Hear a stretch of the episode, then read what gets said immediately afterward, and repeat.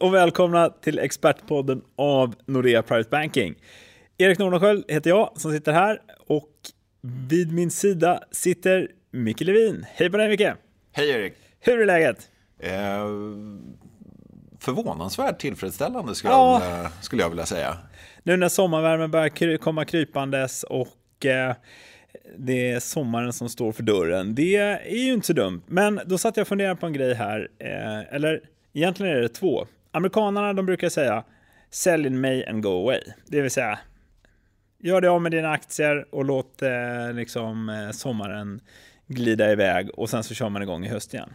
Ja. Men så tänkte jag, i Sverige så säger vi köp till siljen och sälj till kräftorna. Ja. Ska vi då köpa jänkarnas aktier? Är det det som är tanken? Ja, exakt. Det någon sorts självskadebeteende där från, från, från vår sida. Vi, vi ska vara lite, lite annorlunda. Och, och det är ju lite sådär ironiskt i sammanhanget att jänkarna inte går på semester förrän typ borta i augusti. Då har ju hela sommaren varit. Ja, och jag kan ju förstå den svenska. Eh, köp till sillen, sälj till kräftorna. Ja, det är jättebra. Det kommer ju att ha positiv avkastning, så det visar sig att det där stämmer ju. Mm. Eftersom över tiden så ger ju aktier positiv avkastning. Så alla som mm. är har aktieinnehav, de kommer ju tjäna pengar. Ja. Statistiskt sett så kommer det där att funka. Men det, det, spelar ju egentligen inte så stor roll vilken. Nu hade du lika gärna kunnat säga köp till semlorna och sälj till äggen eller vad som helst. Liksom. Ja, exakt. Kanske, kanske den nya. Nej, men det, det är lite roligt där med de här säsongsmönstren som, som eh, vissa fokuserar på. Eh, jag vet inte hur mycket då investeringsmässigt, men det brukar ju alltid ge upphov till ett antal artiklar varje år om, om eh, så här mycket har börsen då, eller aktiemarknaden gett under de här månaderna och så vidare. Och så vidare. Och det där eh, det går väl att påvisa liksom, statistiskt signifikanta mönster, men det är ju en annan sak i verkligheten för att om det skulle vara så där då, då behöver vi ju inte marknaden de månaden den går, den går dåligt så att säga. Eller hur? Nej, jag kommer ihåg när jag gick i skolan då läste vi om det här med januarieffekten och eh, fredagseffekten att aktier går upp i mer i januari än någon annan månad och, och likadant mm. att fredagarna har en högre dagsavkastning eh, än vad alla andra dagar har i snitt och så vidare. Eh, men jag har också på senare tid förstått att de här gamla sanningarna börjar lite försvinna. Mm. Alltså vad som du sa, att eh, om alla vet om det så är det bara att handla. Ja, eller hur? Eh, som sagt, vad, vad, ska vi, vad ska vi marknaden till den, eh, eller de dagar, månader, år, whatever, när, när, eh, när den går ner? Men det är ju, det är ju lite intressant för att eh, alltså, rent siffermässigt, vad innebär det här? Liksom, sell in May and go away. Eh, indikerar ju givetvis då att avkastningen i åtminstone amerikanska aktier ska vara lägre. Eh, och sen då högre resten av året. Men hur mycket högre kommer den att vara under de senaste, eller de övriga månaderna? Och framför allt, hur kommer jag åt den här? För det innebär ju också vissa transaktionskostnader om du ska in och ut i marknaden och försöka tajma den då efter de här eh, säsongsmönstren. Ja, det där slog mig också att eh, när, de, när jag gick i skolan för väldigt många år sedan, då var det ganska dyrt att handla aktier. Mm. Relativt dyrt i alla fall. Vilket gjorde att det kanske kunde finnas en, en eh, januari-effekt. Men det var om transaktionskostnaderna gjorde att det gick inte att komma åt den, även om den liksom gick att statistiskt påvisa i mm. någon sorts laboratoriemiljö. Och eftersom de avklingat eh, i, alltså, samtidigt som de har blivit mer uppmärksammade och blivit billigare att handla. Mm. Så eh, finns det inte samma möjlighet. Eller, nu går det att handla de här och det är säsongsmönstren och det är mm. det folk gör. Ja. Jag menar, vi har ju sådana här, vad heter det, high frequency trading. Eh, Ja, HFT ja. De här algobaserade, eh, ja det är ju i princip en, en algoritm som, som handlar marknaden. Eh, och de har väl, skulle jag tro, utan att ha någon sån här hundraprocentigt vetenskapligt belägg. Men det är, det är ju klart med, med den datakraften då och också billigare transaktionskostnader.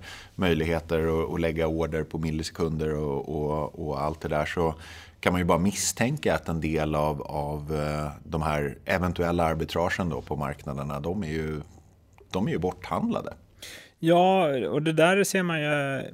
Ja, det finns ju massa exempel på det här i historien. Om man tittar på ett klassiskt exempel är de här Nobelpristagarna som låg bakom long term capital management som mm. hittade arbitrage i den amerikanska statsobligationsmarknaden. Tjänade en massa pengar på det tills arbitragen försvann mm. och då begav sig till Ryssland. Och tänkte inte riktigt på att Bad idea. modellen fångade inte upp det faktum att Ryssland faktiskt kunde ställa in betalningarna i sina egna statsobligationer. Så det sprack ju och, och den där fonden havererade. Mm. det, var ju, det var ju ett ganska episkt haveri också. De var ju, de var ju belånade 35 gånger eller någonting sånt där. Så det, det blev ju höstkrisen där 98 på aktiemarknaden. Det var ju 40% ner och det var väl inte vad de hade tänkt från, från början kanske. Nej, och det där kan ju vara en av de anledningarna till att eh, det är svårt att eh, tjäna pengar för att du måste levra mm. eller belåna dig väldigt kraftigt för att kunna ta nytta av en halv procents överavkastning. Även om du vet ja. att den är säker. Men du måste vara väldigt säker på att den ja. är säker. Annars blir det liksom inga... Ja, exakt. Och det, det är ytterligare en poäng i hela det här med just säsongsmönstren. Att, att det är ju någon sorts form av genomsnitt. Man tar det ju på kanske 10 år eller 20 år. Hur har april på Stockholmsbörsen sett ut de senaste 20 åren? Ja, men då är, då är ju snittet x antal procent.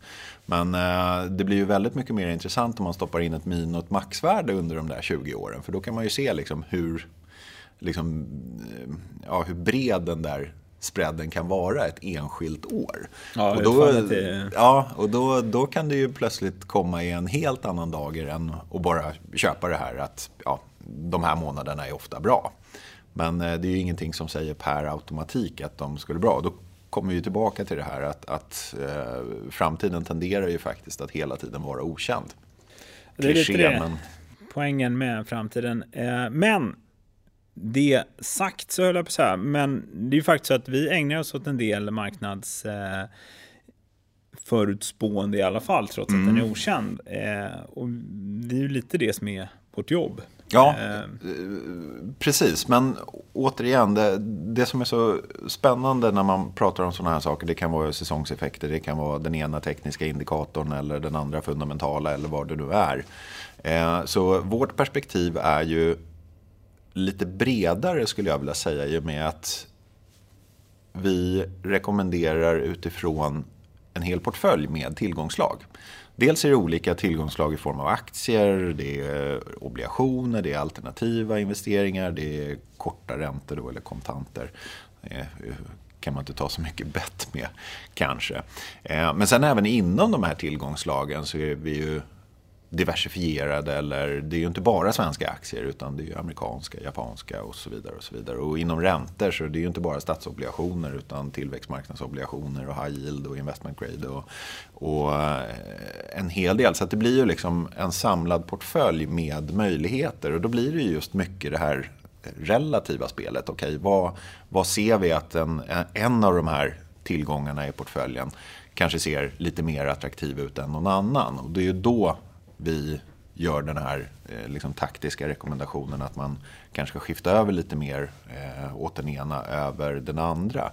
Men för många, tror jag, återigen utan att ha 100% belägg, så handlar det just om en enskild trade eller en enskild aktie eller sådär. Och då missar man ju lite hela det här portföljperspektivet. För att då blir du ju väldigt utlämnad om det här bettet slår fel.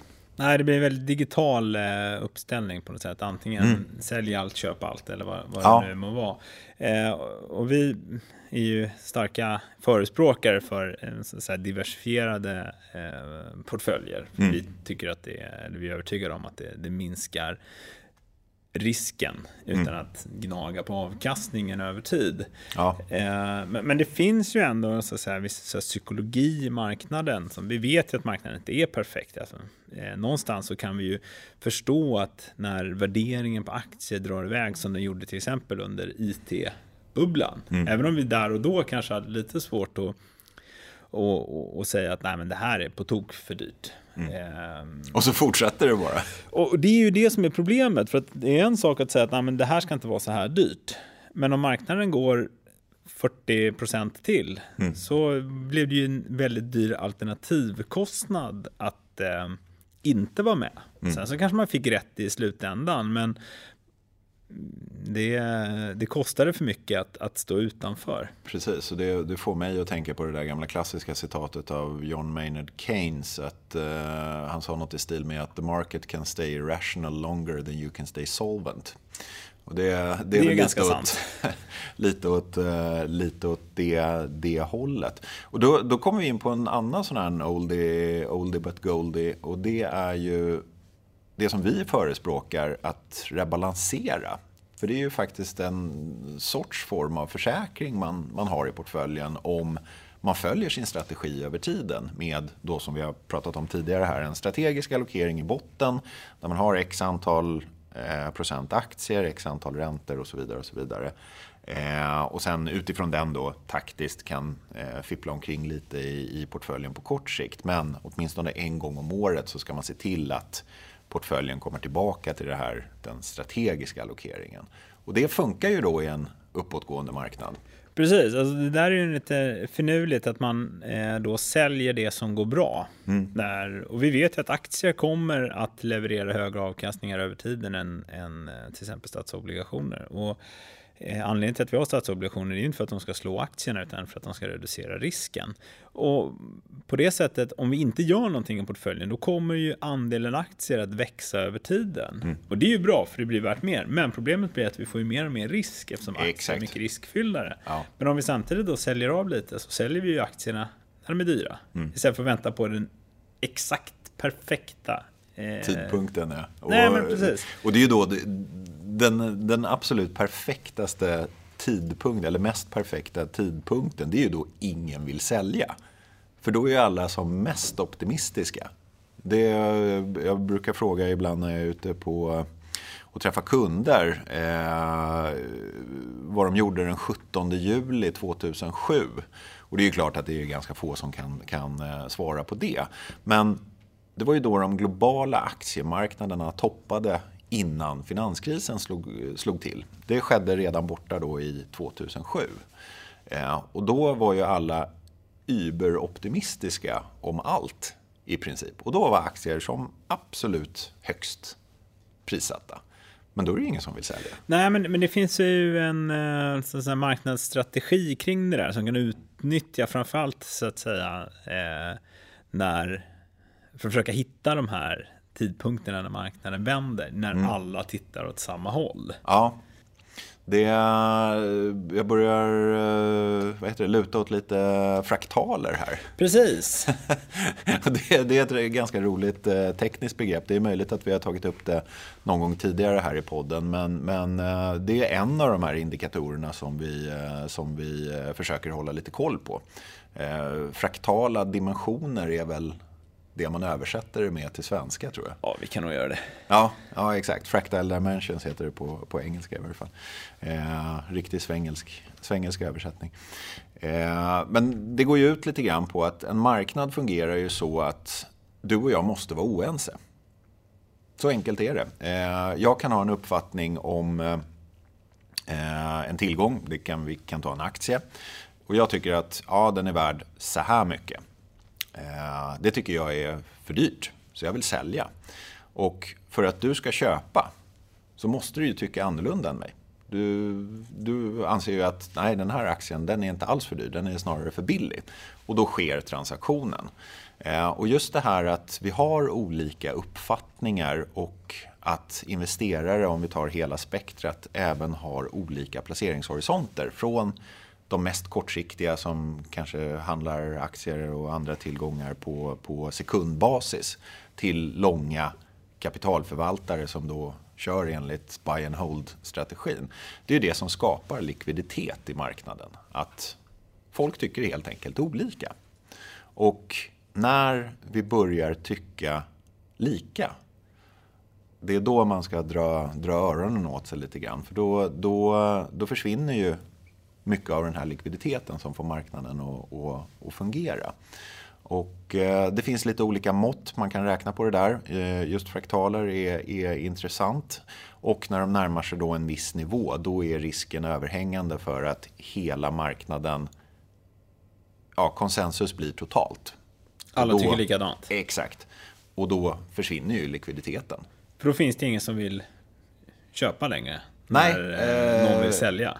Precis. Eh, oftast så, så eh, är det ju skälet till att vi har den här typen av, eller tittar på den här typen av indikatorer. Det är ju just för att när eh, grupptänket i marknaden eller konsensustänket blir för stort så brukar det oftast hända någonting på nedsidan.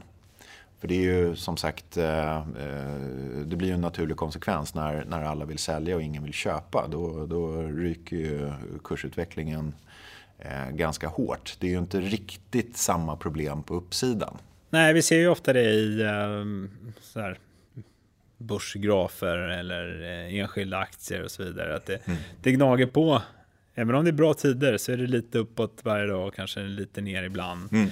Men sen när det väl vänder, mm. då går det väldigt fort ut. Riktigt fort ner, ja. Eh, så att, eh, och sen hela det här batteriet med andra kortsiktiga indikatorer tittar vi också på. Det, det är ju lite beroende på vilken indikator man väljer att titta på. Så, så eh, det är intressant, men det är också mycket brus i det här. Att, att eh, investerarna tycker så här på en veckas sikt.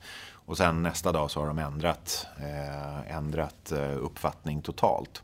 Eh, så även där, det är ju sådana saker vi, vi försöker eh, följa med lite i.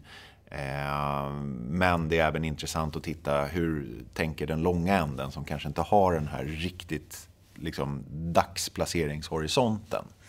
Eh, så de indikatorerna kanske vi lägger lite större vikt vid än de här korta som, som kan visa i princip vad som helst. Ja, det där är ett litet problem att man kan gärna hitta någon indikator som stödjer precis sin egen vy Exakt. just vid tillfället. Att, eh, idag ser det köpläge ut för Exakt. att man vill köpa. Och det är ju på något sätt det, skälet till att vi tittar på de här, det är ju, ja, de, de, de kan påverka, men när det kommer liksom till de här långsiktiga drivkrafterna för riskpremierna så är det ju konjunkturen, vinstutvecklingen och alla de här andra sakerna vi har, vi har tagit upp här i, i podden. Som, eh, det är liksom där tyngden i analysen ligger på, på, på något sätt. Och sen just på kort sikt, eh, ja, kan man foga in lite. Det var ju en eh, period här, här under, under eh, april-maj, det var väldigt, väldigt, väldigt låg volatilitet. Och alla skrev om det här och vissa indikatorer pekade åt det ena, ena hållet och andra åt det andra hållet och sådär. Men, men det är ju klart att man inte behöver vara raketforskare att det kommer en reaktion förr eller senare. Vilket det också gjorde då i, i eh, mitten, slutet på maj där, där, där den här lugna utvecklingen plötsligt blev nersablad under, under ett par dagar. Men problemet är ju att det är omöjligt att förutspå. Och det Nej. går ju inte att ha en placeringsstrategi som bygger på ett sånt tänk så att säga. Nej, att hitta de här enskilda dagarna som ska göra hela skillnaden. Mm. Det är större sannolikhet att man, man missar dem. För det är oftast över en längre tidsperiod, några få dagar, som mm. ger den stora överavkastningen. Exakt. Och, och då är det ju väldigt viktigt att vara exponerad just de dagarna. Eftersom det är så svårt att veta vilka så handlar mm. det ju mer om att försöka vara exponerad hela tiden. Hela tiden ja. Och det, det är ofta när man ser presentationer med eh, ja, 20 eller 30 eller 40 års börsutveckling på någon marknad. Eh, och så har man tagit bort de 10 sämsta dagarna och jämför det med index. Och då brukar det oftast bli eh, ja, betydligt bättre avkastning om du kan klippa då de 10, värsta dagarna på 10 år eller 20 år. Eh, vad som är mer intressant där det är ju om du tar bort de 10 bästa dagarna. Och där ser man skillnaden då. Men det går ju inte att pricka varken de bästa eller de sämsta dagarna. Utan det blir ju någon sorts ja, tänk om eh, tänk om-tänk där. Och det, det är kul att se på men omöjligt att utföra i verkligheten. Nej, och det är kanske det man ska använda det som lär och poängen är att det hade varit väldigt bra om du hade kunnat lyckas, men det kommer du inte kunna göra. Nej. Men däremot så kan du eh, genom att ständigt vara exponerad så får du vara med om allt och mm. på lång sikt så kommer det att, att, att växa oavsett. Mm. Oh, ja. eh. Nej, för, för, det där med timing, liksom, det, det, är ju jättekul när man, när man lyckas med det. Men, men frågan är då, okej, okay, vad, vad är tur och vad är grundlig analys för att kunna säga Eh, nej, nu ska jag gå helt ur aktiemarknaden. Återigen, den kan ju fortsätta gå trots att allting säger att nej, men den borde inte göra det. Och sen då, om det där raset som du då har förutspått eller eh, trodde skulle kunna hända. När det väl har hänt, när går du in igen? Ja, när är slutet? Exakt, och då, då, då blir det den här psykologin igen. På samma sätt som den arbetar, eh, att det är så otroligt svårt att pricka toppen. För att då är alla som mest optimistiska. Samma sak gäller ju på botten, för då är ju folk som mest pessimistiska. Det, är ingen som vill, det var ju ingen som gick in i marknaden mars 2009. Då var det ju kanske prat om att jorden skulle sluta snurra och, och allt sådär. Då finns det ingen riskvilja överhuvudtaget. Och då är ju, all teori säger ju att det är nu du ska köpa. Men det är ingen som vill göra det. Nej, precis. Det där är eh, klurigt och som vi brukar säga, att den som är strategiskt allokerad vinner lite varje dag och det är ja. liksom det vi, eh, vi strävar efter. Precis, och sen möjligtvis då med, eh, med taktiskt overlay eller taktisk allokering på den här strategiska allokeringen så kan man över tid eh, få ut lite, lite extra avkastning. Men huvuddelen av avkastningen och risken bestäms ju av den strategiska allokeringen. Och det, det handlar ju om långsiktiga riskpremier.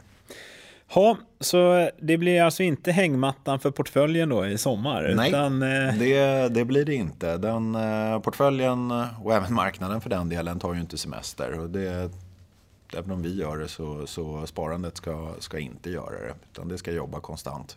Nej, räntan sover aldrig, som man brukar säga. ja, det är många klichéer här idag. Ja, det är lite säsongsavslutning. Eh, och Eh, vi kommer att göra ett sommaruppehåll, men vi hoppas att vi kommer att höras igen på något sätt efter sommaren. Eh, och kan inte hålla er utan vill komma i kontakt med oss, har ni någon fråga, något ämne ni vill att vi ska ta upp, så eh, hör av er på expertpodden at nordea.se. Och eh, ja, tills dess, Micke, på återhörande. Ja, och trevlig sommar. Detsamma. Hej, hej. Ciao.